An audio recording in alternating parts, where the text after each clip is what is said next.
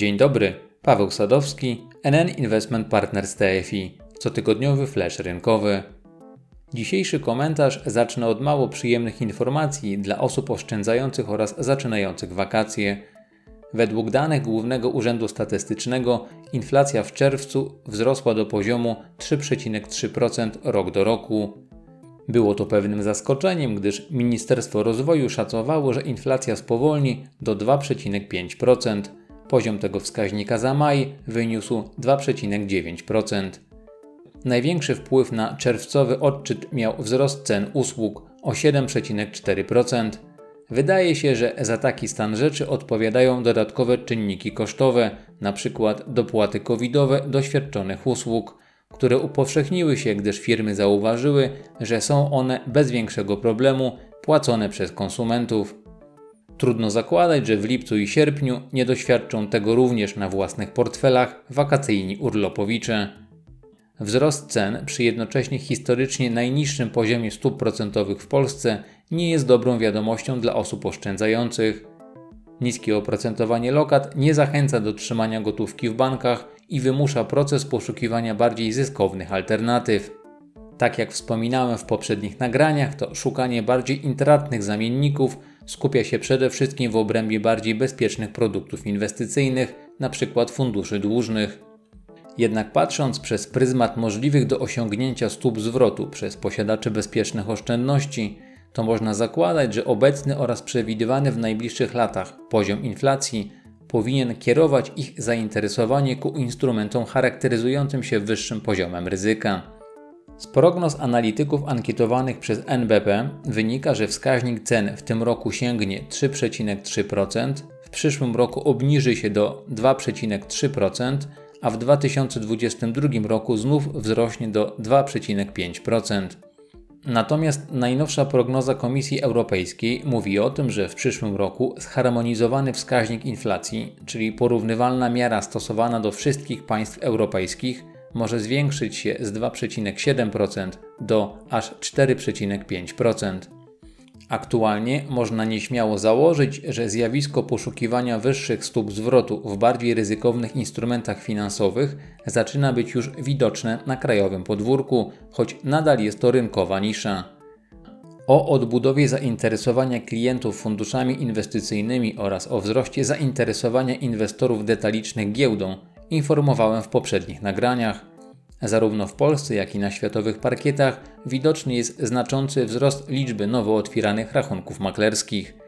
Oprócz atrakcyjnych wycen, które przyciągnęły rzesze uczestników rynku, to nie należy zapominać również o płaconych przez spółki dywidendach. Posłużę się przykładem z największego rynku kapitałowego na świecie. Działania Banku Centralnego USA doprowadziły do znacznego spadku rentowności obligacji. Tym samym rynek akcji zaczął dostarczać coraz lepszych stóp zwrotu z samych dywidend, aniżeli coraz droższe papiery skarbowe.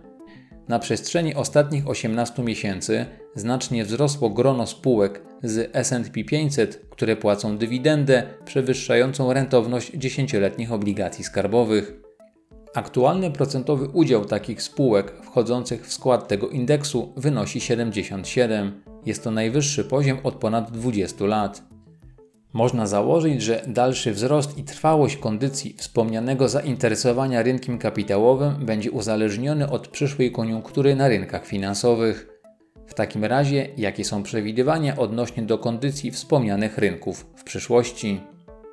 Pytani przez Polską Agencję Prasową przedstawiciele krajowych domów i biur maklerskich wskazują, że obecna sytuacja związana z napływem inwestorów indywidualnych na rynek jest zupełnie inna niż kiedyś i nie należy obawiać się, że jest ona zwiastunem krachu.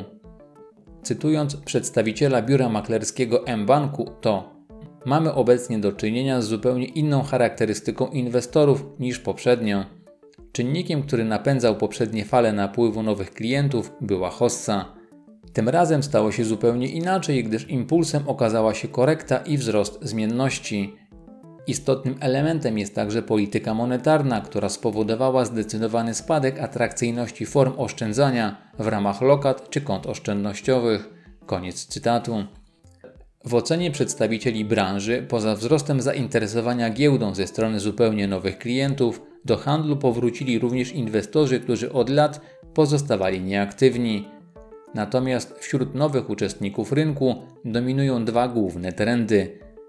Po pierwsze, inwestorzy są młodsi niż dotychczas. Ma to prawdopodobnie związek z płynnością oraz wartością posiadanego kapitału. To właśnie te cechy powodują, że na giełdzie widzimy coraz więcej młodych inwestorów, w odróżnieniu od inwestycji m.in. w nieruchomości, ziemię czy metale szlachetne. Natomiast drugim ciekawym zjawiskiem jest zdecydowanie częstsze wybieranie przez klientów inwestycji na giełdach zagranicznych. Podobny epizod można zaobserwować wśród uczestników funduszy inwestycyjnych z udziałem akcji, którzy wybierają przede wszystkim produkty inwestujące na zagranicznych parkietach. W ocenie przedstawicieli domów i biur maklerskich aktywność inwestorów w najbliższym czasie powinna utrzymywać się na wysokim poziomie.